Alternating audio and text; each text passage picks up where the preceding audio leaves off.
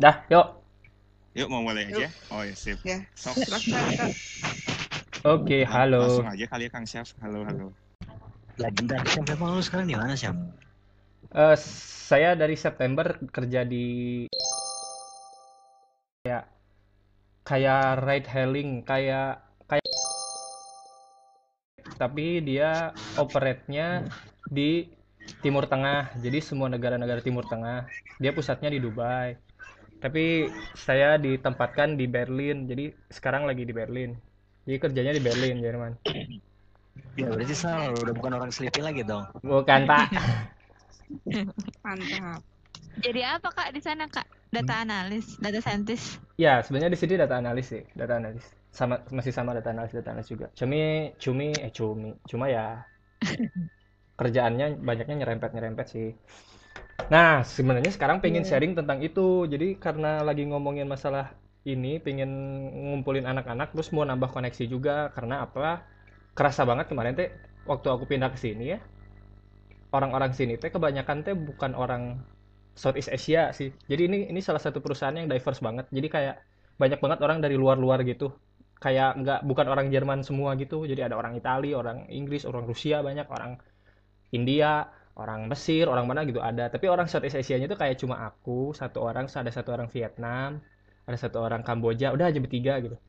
Nah, padahal pas aku ke sini tuh kayak ngelihatnya sebenarnya dari segi apa ya, dari segi talent sebenarnya nggak terlalu jauh gitu loh. Kita tuh nggak ketinggalan jauh, cuma somehow nggak tahu kenapa kayak info-infonya itu nggak nyampe ke sini gitu. Gitu. Nah, terus waktu itu hal pertama yang pengen aku lakuin adalah aku pengen narik orang Indo sebanyak-banyaknya ke sini. Kak, tapi aku nggak bisa bahasa Jerman. Emang aku bisa bahasa Jerman. Hmm, aja. Eh, Kak, saya pengen tahu cuma saya cuma bisa insul digung insul digung doang.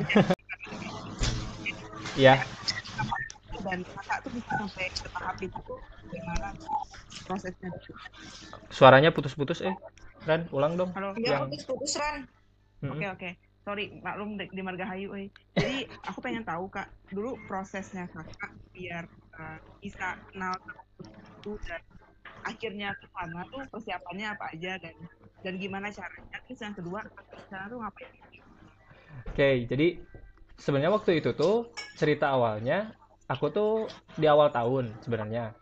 Aku tuh lagi lagi ini rada rada curhat sedikit lagi bermulai berpikir karena udah terlalu lama di kayak mau menentukan arah. Betul ini di mute dong siapa? Jita ya? Cit Aku, atau Reni? kenapa? Zita atau Reni di mute dikit suaranya agak. Nah. Nah, jadi waktu itu tuh aku tuh emang berpikir untuk apakah mau diem di cabut terus tiba-tiba kepikiran aku nggak akan cabut dari kecuali ada tawaran dari luar negeri gitu kan. Nah, terus dari waktu itu aku kayak LinkedIn, di LinkedIn aku cuma kayak ngupdate doang atau nggak ngupdate ya? Nggak, pokoknya nggak nyari atau nggak apa gitu. Aku lupa apakah ngupdate atau apa. Tiba-tiba beberapa minggu kemudian ada headhunternya nyamperin, nge-message. Ada lowongan data analis di sini, mau nggak? Terus dia jelasin kan apa apa apa apa apa apa. Terus aku lihat kayak profilnya oke, lumayan. Ya udah aku coba masuk. Nah, jadi lah aku masuk ke sini ke gitu. Cuma awalnya sebenarnya awalnya aku ditawarinya untuk di headquarter di Dubai. Tapi ternyata mereka lagi eh, cutting cost karena biaya hidup di Dubai dan gaji orang Dubai itu kan mahal-mahal. Akhirnya aku dipindahin ke Jerman di interview terakhir gara-gara itu doang. Gitu prosesnya. Gak nyiapin apa-apa sih sebenarnya. Hmm. Oke, terus kakak di sana ngapain aja kak? Nah, jadi kerjaan jadi data analis mas dari dulu juga sama sih sebenarnya. Data analis itu part of data science juga sebenarnya. Data analis itu kalau menurut aku ya, data analis itu data scientist juga sebenarnya. Cuma beda di partnya. Mungkin kalau para data scientist tahu cycle-nya data science kan, kayak EDA, udah EDA, bikin modelnya, udah bikin modelnya, terus di-review modelnya, performance-nya gimana. Terus balik lagi ke EDA lagi, bikin modelnya, terus kan ada cycle-nya kayak gitu kan. Nah, itu mereka tidak mau membuat si data scientist-nya terlalu banyak di hal-hal yang menurut mereka bisa dikerjakan oleh orang lain, kasarnya gitu. Jadi untuk di ini data science-nya itu untuk EDA kita ngerjain bareng-bareng. Data analis sama data scientist EDA bareng-bareng nyari nyari pattern segala macam gitulah ya tau lah ya. Nah nanti pas bikin model itu yang bikin modelnya si data scientist. Data analis cuma kayak ngasih tahu doang nih feature ini ada korelasinya nih feature ini ada korelasinya dan ada analisis ini ada analisis ini ada analisis ini segala macam nanti pas udah dirilis modelnya jadi nah masalah performance-nya baru data analis lagi nanti data analis ngerjain lagi nemu insight lagi, dikerjain lagi bareng-bareng dari awal kayak gitu. Jadi lebih ketektokan sama data scientist-nya lebih di performance-nya sih. Jadi data scientist bisa lebih fokus di bikin model dan mempelajari model, data analis bisa lebih fokus di uh, analisis analisis kayak A/B test-nya. A/B test setelah dirilis ya kan kalau pengen tahu uh, performance-nya gimana kan harus A/B test. Kayak gitu sih per, uh, so far Hmm, tapi ngedeploy modelnya tuh, oh eh kayak kayak dulu. Duluan aja duluan sok sok. Ngedeploy modelnya tuh part of data scientist juga atau itu bagian software engineer dan lain-lain kak? Karena kan kalau kayak gitu kayak data scientist benar-benar fokus di ngasilin model terbaik berarti kan? Mm-mm. Oke, kalau itu berarti udah masuk infra ya. Jadi kalau di sini tuh kita ada satu platform khusus namanya Yoda kalau nggak salah. Mungkin kalian bisa coba browsing namanya Yoda. Jadi kayak si data scientist itu kayak bisa bikin model di situ, terus nanti outputnya akan langsung API. Si software engineer tinggal nembak situ. Jadi software engineer-nya jadi nggak data scientist-nya nggak benar-benar sampai bikin API, bikin nge-push ke repository atau segala macam gitu nggak. Mereka cuma tinggal bikin di platform itu, nanti si platformnya kayak bikin API, API-nya yang ditembak sama si software engineer. Gitu. Hmm. Kak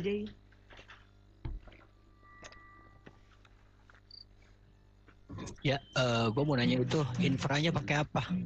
Buat preprocessing segala macam kan itu kalau misalnya ambil data apa langsung ke Python atau R atau ada semacam tempat untuk preprocessingnya gitu. eh jadi kalau di sini berarti langsung ke teknik dikit ya tek- teknis sedikit ya. Jadi data langsung dari apa data dari eh, backend, data dari backend itu diingest, di datanya di kayak diingest dimasukin ke S3 kayak biasa lah. Data dari pusat yang benar-benar data production dimasukin ke S3, tapi di S3 dimasukin udah dalam bentuk Hive table. Nah, si Hive table-nya itu formatnya Parquet, jadi dia langsung kita consume pakai Presto. Siapa yang pakai Presto? Presto ya kalau nggak salah ya. Iya. Ya, kayak gitu. Terus biasanya da- download dari situ, biasanya kita ngelakuin apa-apanya di lokal sih. Kita nggak pakai kayak Databricks atau apa gitu kayak satu platform khusus buat data scientist ngerjain apa gitu enggak. Kita biasanya kayak download aja dari dari dari dari situ data warehouse download, ambil terus ngerjain di lokal. Terus nanti baru dipindahin ke Yoda. Gitu. Berarti eh, di DAM ya, semuanya bentuk dalam bentuk eh, file ya. Slash slash gitu ya. Enggak. Si Ntar, saya lupa. Jadi biasanya kalau kalau gue bikin di Jupyter Notebook kayak ada konektor gitu kan. Kayak ada konektor, nah si konektornya bisa langsung nyambung ke Presto. Jadi nggak nggak sempat di download kayak langsung nyambung gitu. Nanti langsung jadi objeknya Python terus bisa langsung diolah di situ. Nanti tinggal dibalikin lagi. Nggak dalam bentuk file sih. Maksudnya file tuh pickle gitu ya, Jay?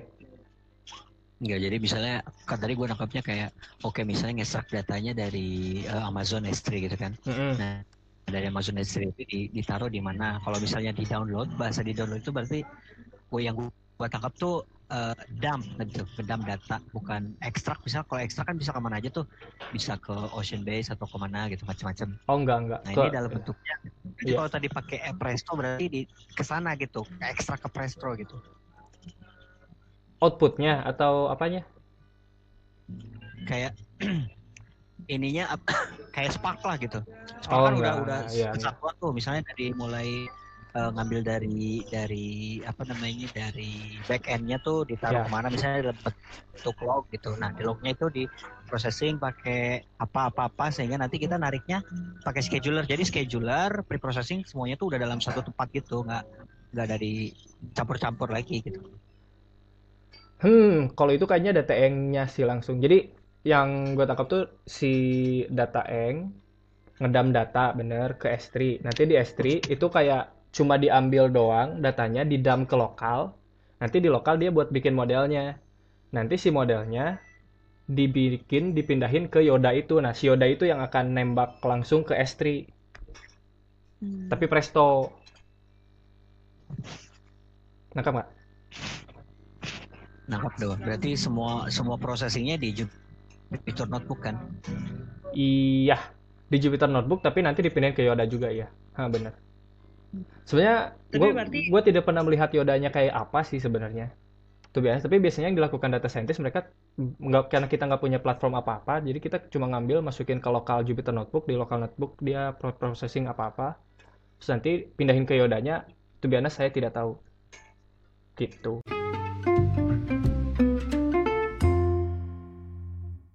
Gimana Kang? Tiga bulan pertama di sana? Hmm. Tiga bulan pertama. Kalau kerjaan mah seru sih, maksudnya belajar hal baru dan memang kerasa banget gitu kayak kalau kita udah diem di suatu perusahaan lumayan lama, saya kan tiga setengah tahun ya di, di ya, lumayan lama gitu menurut saya. Jadi kayak ngerasa kayak Iya, udah iya. gitu-gitu aja. Akhirnya pindah, pas pindah kayak dapat suatu hal baru, infrastruktur baru, bisnis model baru, cara ngerjainnya baru. Terus jadi kayak learning learning rate-nya tuh kayak yang awalnya udah kayak flat terus kayak naik eksponensial lagi gitu loh. Jadi ya seru kalau di Kak, di Jermannya saya tidak seru ini sebenarnya. Kenapa? Kenapa di Jermannya nggak seru, Kak? Eh, apa ya? Nggak pada bisa ngejokes orang-orangnya. Kalau kalau orang kantor kan di kantor ngomong bahasa Inggris karena bukan orang Jerman Hmm. mereka. Tapi kalau di luar kayak bertetangga dengan orang sini nggak terlalu enak sih. Orang Jerman nggak terlalu supel, nggak terlalu ya orang sini kan straight banget. Terus birokrasinya ribet banget. Ini sebenarnya saya di sini tinggal masih masih ilegal, ilegal. Visa Oh, belum ada visa kerja gitu berarti. visa kerjanya habis, waktunya udah habis, tapi pas mau minta Oh. diperpanjang, minta diperpanjang dari si pemerintahnya cuma ngomong, ya tungguin aja, asal kamu nggak keluar negeri, kamu aman di sini, udah aja. Mereka nggak ngasih kepastian apa-apa gitu buat kapan bisa diperpanjang. Tapi emang biasanya standar sih kayak gitu. Berarti kalau ada polisi nyumput-nyumput gitu, Kang. Nggak usah, sebenarnya Oke. secara ini mah legal. Cuma kalau keluar negeri nanti ada pemeriksaan paspor, Oh nah iya karena benar. karena Gitunya doang ya. terus apa ya?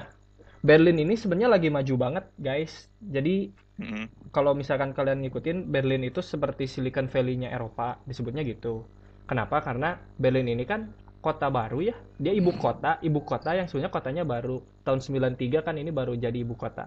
Jadi dia lagi develop-developnya. Terus akhirnya yang dilakukan pemerintah adalah dia ngambil talent dari luar Jerman supaya pada datang ke Berlin. Kan orang Jermannya nggak mau ke Berlin gitu. Terus akhirnya banyak startup buka di sini. Yang terbaru kemarin kalian baca berita juga di sini gitu. Iya. Terus karena apa? Karena di sini kota baru, biaya murah, ya enak gitu. Banyak startup. Cuma ya nggak enaknya harus bisa bahasa Jerman. Tapi saya nggak bisa bahasa Jerman, bisa-bisa aja sih. Bisa Tapi lah dulu- Jerman. Persiapannya tuh kayak ada tes IELTS, TOEFL atau benar-benar Enggak, nggak enggak, nggak ada gitu. enggak, enggak ada. Di Jerman mah ba- bener-bener bahasa Jerman sih. Ya, orang sini tuh Enggak, enggak. Heeh. orang Berlin ya. Tapi karena Berlin yang tadi saya bilang banyak orang luar masuk, jadi banyak yang bisa bahasa Inggris sebenarnya. Cuma Oh. orang Jermannya tuh kadang kayak gitulah. Mereka kayak kadang orang ngomong bahasa Inggris mereka balasnya pakai bahasa Jerman karena mereka nggak suka kalau bukan mereka nggak suka mereka terlalu hormat dengan bahasa mereka mungkin atau mereka malas ngomong dengan bahasa Inggris kayak gitu. Dan- Perbedaan yang paling kentara apa, Kang? Oh, pajak. Paling ini deh, paling nggak bisa gitu loh. Perbedaan paling kentara apa ya?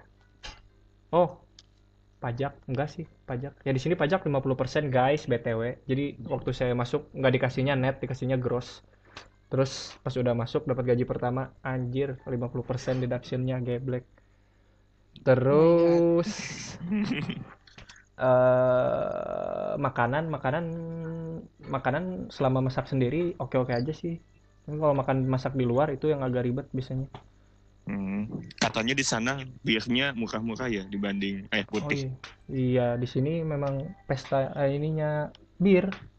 No, Jadi kalau ada yang ada yang nanyain eh entah oleh-oleh dong, oleh-oleh dari Jerman, ah, oleh-olehnya tuh bir. Oh boleh. Jadi ya sudahlah, begitulah. Eh, Kang, tapi nanti di kontrak kontrak base atau kakak bisa cabut kapan aja atau gimana? Jadi waktu aku masuk ke sini, itu aku dikasih relocation bonus gitu. Jadi kayak sok kamu relocate ke Jerman, kita akan kasih kayak bonus gitu relocate. Nah, si relocation bonusnya ini kan buat dipakai buat saya pindahan tuh, kayak biaya tiket, biaya apa, biaya apa gitu. Nah, si itu tuh harus setelah satu tahun baru kayak dianggap impas gitu. Apa ya ngomongnya? Ya pokoknya kalau saya keluar, Oh, iya, eh, iya. kalau saya keluar, gitu ya. iya, kalau saya keluar dari belum setahun, uang si relocation bonusnya harus dibalikin gitu. Iya. Itu doang sih. Hmm. Tapi sebenarnya nggak ada kontrak base sih. Kayak kot sebenarnya itu kayak kontrak lagi gitu ya. Kayak ada dendanya gitu kalau sebelum setahun gitu ya. Iya, ha. tapi ya sebenarnya dipakai buat kita juga gitu. Sama sih kayak Cool, cool, cool. berarti em, bisa dibilang bahagia gitu Kang sudah pindah terus ngerasa better gitu perusahaannya Eh kalau boleh jujur, sebenarnya secara talent lebih oke sih, Mm, mm-mm. secara talent ya. Tapi secara apa ya? Karena itu lebih oke talentnya, jadi mereka kayak lebih mature gitu loh, menurut aku ya. Padahal umurnya sama, sama-sama berdiri 2012. Nah, pas datang ke sini kayak banyak yang belum mature gitu, termasuk di infranya, datanya, apa-apa gitu kayak. Nah, jadinya masih banyak hal yang bisa aku improve, masih banyak hal yang masih bisa ke impact gitu loh. Jadi senangnya di situ sih. Hmm. kerjasamanya kesulitan nggak Enggak sih so far. Mereka kayak open-open aja. Cuma ya sekarang udah mulai lingkungan baru aja. Orang Indo kan sebenarnya kayak agak nggak enakan atau apa. Kalau di sini mah kayak jebret-jebret aja gitu kayak ya benar hajar, hajar, hajar gitu. Kak, aku mau nanya dua. Project yang lagi dikerjain apa? Terus eh, apa namanya? Dari segi apa namanya? Manajemennya tuh di sana gimana Kak di kantornya? Oke, kalau manajemen dulu. Manajemen itu aku belum belum bisa Budaya. Oke, budaya. Kalau manajemen aku belum bisa ngomong banyak karena aku masuk tiga bulan yang lalu, lead aku juga baru masuk dan tim aku baru terbentuk waktu itu gitu. Jadi kayak manajemennya masih agak Oh, bisa jadi dibilang masih terlalu baru. Mm-mm, maksudnya masih terlalu baru gitu, jadi kayak susah. Tapi kalau manajemen as a whole, di sini budayanya nggak tahu budaya Jerman atau budaya startup ya. Di Jerman itu kalian ha- bisa ngambil 30 hari cuti kan dalam setahun. Kalau itu nggak diambil tuh kayak ya terserah kalian, tapi dari pemerintahnya tuh ada 30 hari cuti. Itu membuat orang Jerman itu nyantai. Nah, budayanya jadi di sini apa santai. Kalian mau WFH, work from home, itu kayak kalian nggak usah ngomong, terus tahu-tahu WFH, nggak apa-apa gitu. Jadi kayak aku, aduh hari ini malas ke kantor, udah, hey lead, saya hari ini mau work from home ya. Oh iya, oke, selesai gitu. Jadi kayak santai banget gitu orang-orang sini tuh. Terus setiap hari Jumat, pasti kantor kosong. Kantor tuh kosong hari Jumat. Mereka ngomongnya work from home. Aku tidak tahu apakah mereka benar work from home atau tidak ya. Tapi ya itu tadi, di sini nyantai banget. Terus, hmm, oh, itunya santai tapi tetap tanggung jawabnya ya biasalah kayak startup. Yang penting kerjaan beres yang penting kerjaan beres yang penting tidak ada hal yang terjadi yang penting KPI kekejar yang kayak gitu-gitu sih. Jadi tetap kayak dibebasin tapi diikatnya pakai kamu punya KPI segini kalau nggak kekejar awas gitu. Biasa kayak gitu-gitu sih. Terus open banget di sini tuh. Nggak tahu ya aku waktu di kayaknya nggak terlalu open gitu. Tapi di sini kayak tiap bulan kita ada all hands. All hands-nya itu kayak bener-bener dibeberin gitu loh kayak bulan depan kita akan eh, jadi subsidiarinya yeay minggu dep- eh, bulan depan kita target penjualan segini. Bulan ini target penjualan segini. Bulan ini nggak kekejar nih. Gimana caranya? Itu tuh benar-benar kayak disebar ke semua ke semua employee. Padahal dulu waktu di ya, orang tuh nggak boleh tahu transaksi kita per hari itu ada berapa tuh. Orang tuh nggak boleh tahu kadang-kadang cuma tim datanya doang gitu ya kayak tim data tuh orang yang tahu data transaksi data eh, GBV, GMF, GMV dan segala macam gitu. Tapi kalau di sini tuh kayak semua tuh dibeberin gitu kayak benar-benar semua dibeberin ke se- ke employee. Karena mereka percaya kalau employee-nya itu dikasih kebebasan dan mereka akan tanggung jawab kalau mereka memiliki gitulah. Intinya kayak gitu sih so far. Itu kalau budaya ya. Terus tadi apa? Project yang lagi dikerjain project yang lagi dikerjain adalah susah ih nyeritainnya gimana ya nah kalau kalian buka kalau kalian buka aplikasi Gojek deh itu di awal kalian pasti lihat ada ETA kan misalkan buka aplikasi pencet ride hailing di depan tuh ada ETA kan berapa menit gitu tiga Yes. menit terus pas kita pencet book setelah dapat ETA book itu apa ya kak? estimation estimation time time arrival of Oh. Heeh. Oh, I see, I see. Terus kita klik setelah kita klik nanti ada ETA yang baru muncul. Itu ETA dari si drivernya kan? Mhm. nah sekarang tuh kita lagi gimana caranya bisa bikin itu sedekat mungkin. Jadi kalau kita dijanjiin tiga menit orang datang tiga menit ya kita harus kasihnya tiga menit juga dong gitu. Itu itu yang lagi dioptimize sekarang. Gitu. Sama mau bikin lagi mau bikin in-house lagi mau bikin in-house eh jadi biasanya aku nggak tahu ya kalau Google eh kalau Gojek atau Grab atau yang lain. Kalau Uber kalau kalian lihat Uber Uber itu petanya itu bukan peta Google mereka punya peta sendiri kan. Waktu dulu zaman masih ada Uber di Indo ya kalau kalian buka appsnya Uber. Nah kalau Gojek sama Grab aku lihat kalau mereka buka itu kayak itu petanya peta Google. Aku nangkapnya mereka sebenarnya pakai servisnya Google. Nah kita lagi nyoba ngereplikat servisnya Google untuk punya kita sendiri gitu itu sih proyeknya Hmm. pakai regresi-regresian doang tapi bukan regresi linear regresi-regresian pakai XGBoost lah like GBM gitu gitulah Mantap, cool, cool. Terus pendekatan kakak yang pertama tadi gimana kak? apa pendekatan apa Memperkirakan waktu, yang memperkirakan waktu itu ini teknikal dikit. Penasaran aja jadi. regresi aja kalau yang aku kerjain Oh, kemarin kemarin aku kerjain ya benar-benar kayak yang simple kapan kita eh, nyari korelasi. Yang pertama kan biasanya kayak gitu nyari korelasi. Terus udah nyari korelasi nyari tahu kapan kita gagal dan di mana kita gagal. Maksudnya di mana kita loss banget jauh di mana kita loss kita jadi eh, kapan kita loss jauh terus nyari korelasi segala macam terus dapetin feature-featurenya apa aja training model langsung. Itu pakai regresi doang sih. Hmm. Mantap, mantap, mantap. Terus menurut kakak skill yang paling dibutuhkan untuk jadi data scientist atau data analis di sana apa? Atau sama aja kayak di Indo atau atau atau yang eh, kakak rasain di kakak kan kayak kalau dengar dari cerita kakak tadi lebih ini kan cuma apa yang menurut kakak yang skill yang paling dibutuhkan oleh data scientist dan data analis? Analisis sih. Sebenarnya data scientist juga yang yang paling penting dari data scientist sebenarnya di analisisnya sih menurut aku bukan di implement modelnya. Implement model mah kayak tinggal ini model comot masukin ke feature-feature ini jadi gitu kan sebenarnya. Tapi yang yang jadi masalah adalah gimana cara kita milih feature-featurenya terus gimana cara memodifikasi kayak preprocessing preprocessing gitu kan. Nah di situ biasanya preprocessing itu kan sebenarnya lebih ke analisis EDA itu ya. EDA EDA itu apa sih? Exploratory data analysis.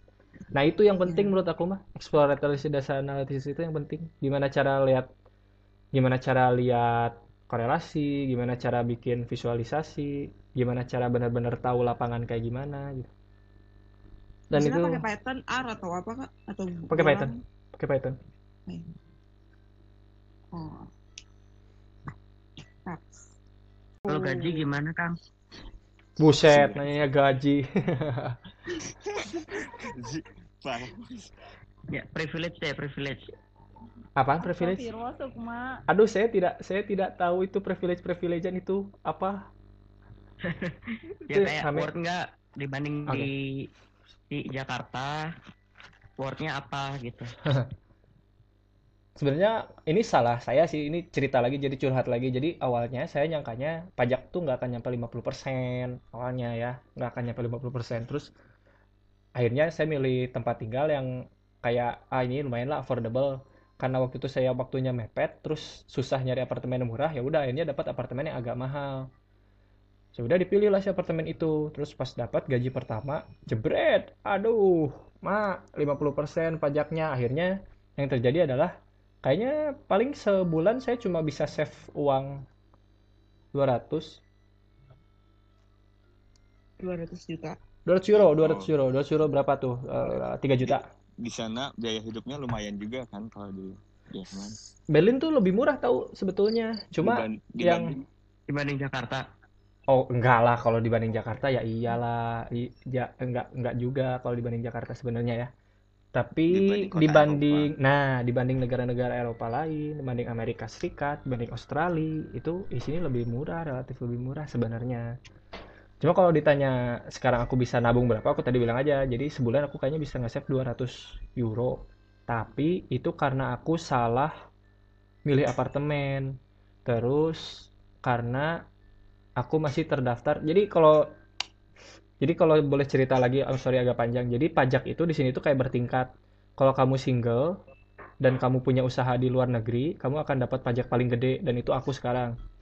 Kalau kamu nikah itu akan lebih rendah pokoknya pajak yang paling rendah adalah ketika kamu menikah dan kamu tinggal dengan istri di sini gitu nah saya Hmm. saya tuh sebenarnya sudah menikah dan tinggal sama istri di sini tapi karena birokrasi di Jerman sangat ribet, kayak kamu harus ngurus ini, ngurus itu, ngurus ini, ngurus itu, ngurus ke mana, ngurus ke mana, dan mereka tidak mau ngomong bahasa Inggris, kadang jadi males, akhirnya ketunda-tunda terus, akhirnya sampai sekarang belum keganti deh si status itu teh.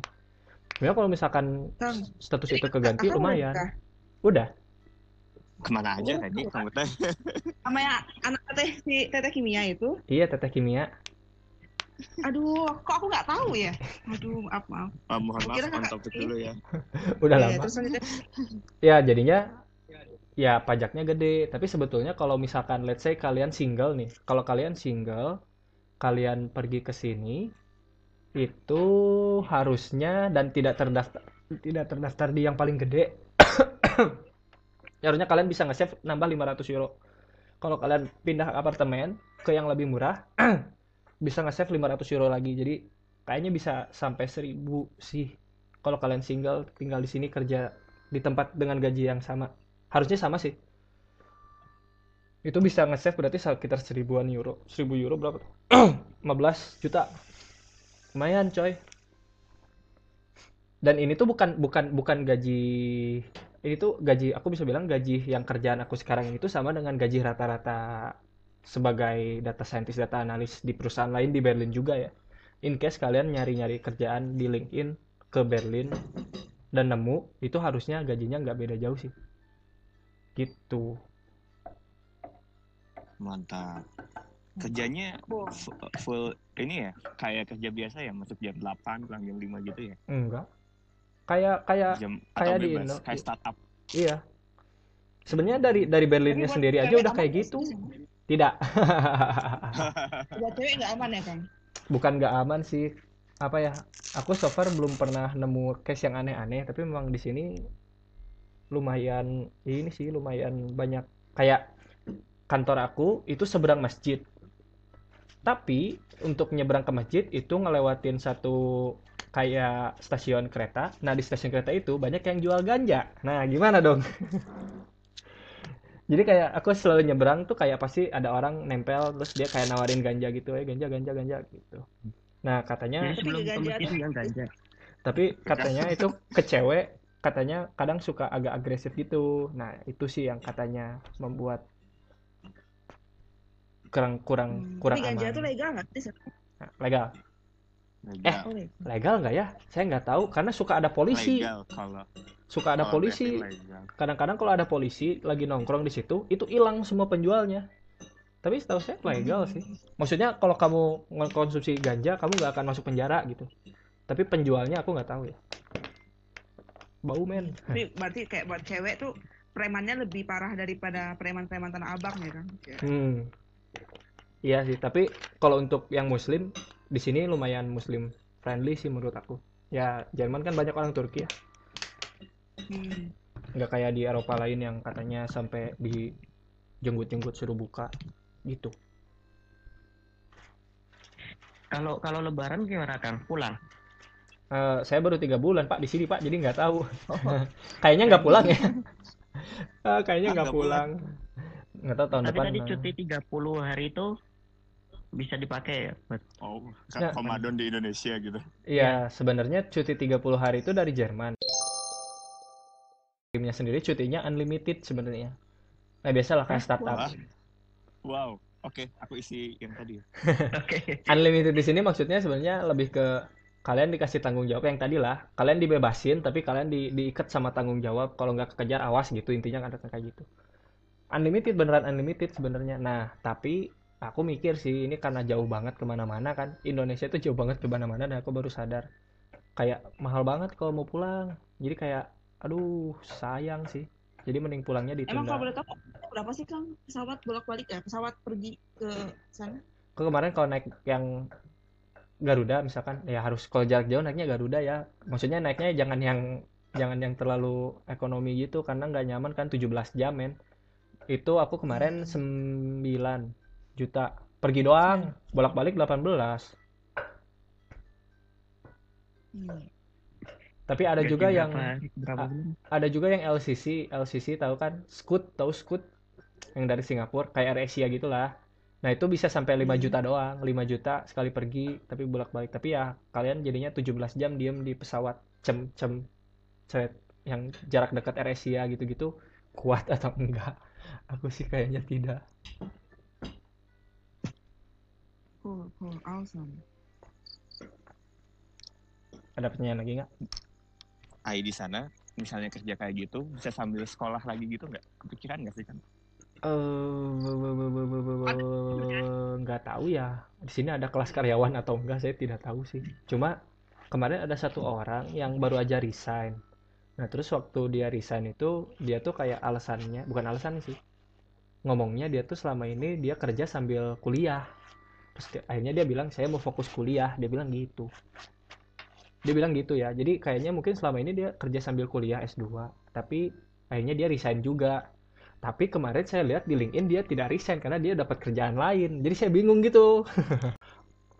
Oh iya satu Oh. lagi sih ini nitip bukan nitip siapa ya? Satu hal yang waktu itu aku banget baru banget pelajari itu adalah AI atau data scientist atau sesuatu yang berhubungan dengan yang lagi kita kerjain biasanya ini itu sesuatu yang fancy banget ya, sesuatu yang fancy dan seksi banget itulah intinya.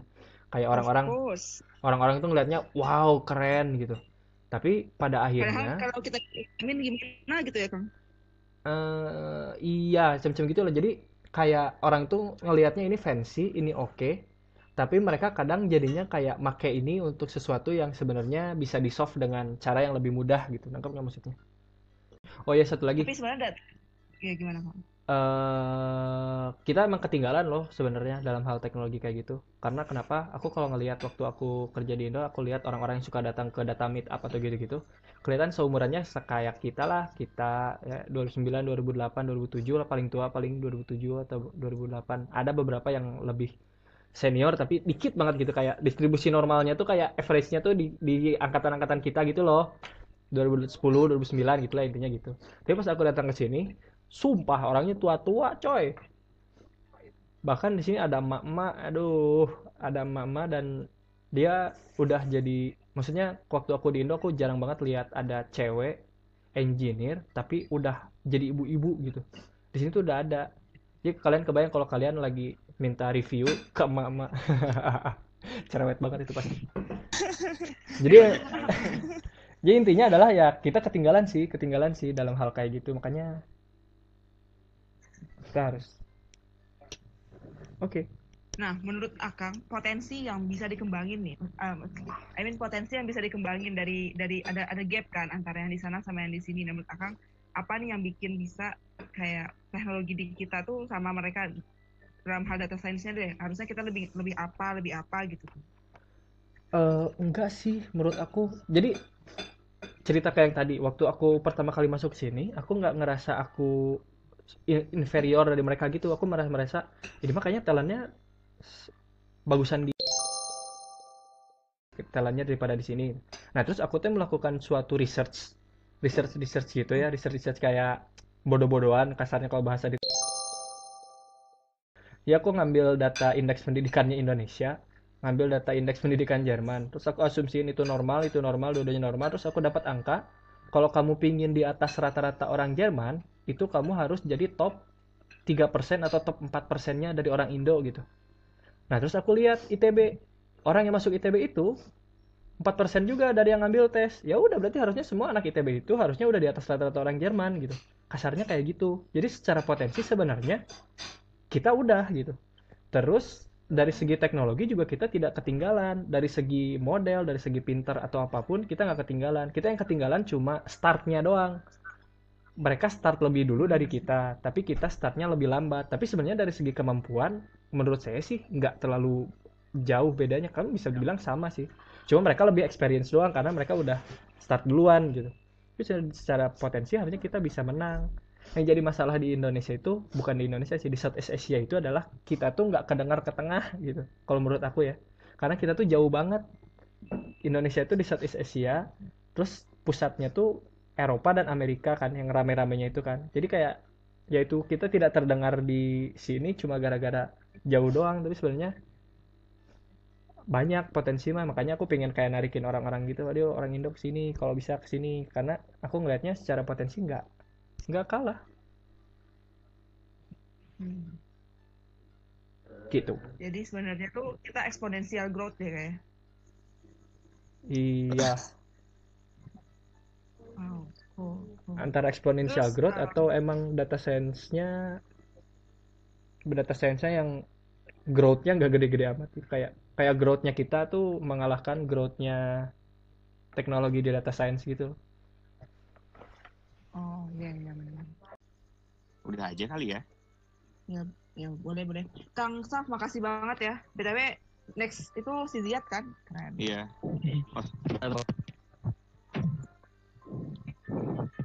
Ada mau ada closing statement dulu nggak Kang Chef? Apa kek?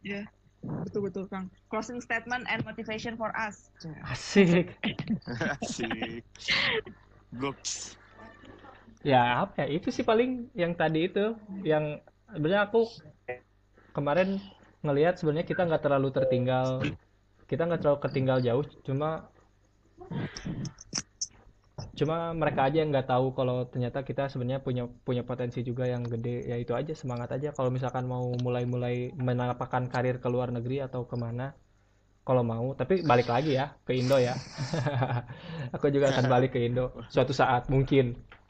Balik lah Ya, ya. jadi sebenarnya sebenarnya sebenarnya secara potensi kalian bisa lah harusnya harusnya. Karena aku ngelihat dari top yang tadi harusnya anak ITB tuh udah mencakup kriteria pekerja internasional gitu. Dulu aku ngomongnya gitu ya.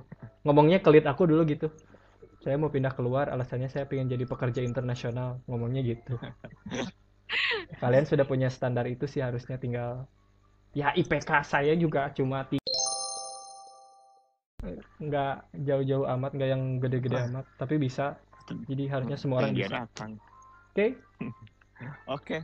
Makasih banyak loh Kang. Hmm, Makasih banyak Kang. Iya, iya sukses Semoga terus semangat ya. kita tes terus ya Kang. Oke. Semakin betah di sana ya. minggu depan jadi jangan minggu depan beneran minggu depan Kapan dong? Ya udah, bulan depan nanti kita diskusi aja. Iya, dulu. jadi Emang Iya. ke- kenapa kalau minggu Iya. depan Kang? Ada concern atau mau Enggak dipercepat sih. lagi ya sih? enggak sih tapi kalau keseringan nanti malah yang tadi aku bilang tuh loh lebih baik kecil tapi Tidak kangen rutin daripada gede tapi nanti nggak rutin Ya udah, dua Tapi minggu bebas. aja lagi aja kali ya. Minggu depan Ziad juga masih di Malang sih. bisa lah di Iya, santuy, santuy. di Kalau menurut dibahas aku sih enggak. Eh tapi terserah sih gimana. Tapi kalau Nanti aku kita sih, bahas di grup aja kali ya. ya boleh boleh baiknya ya.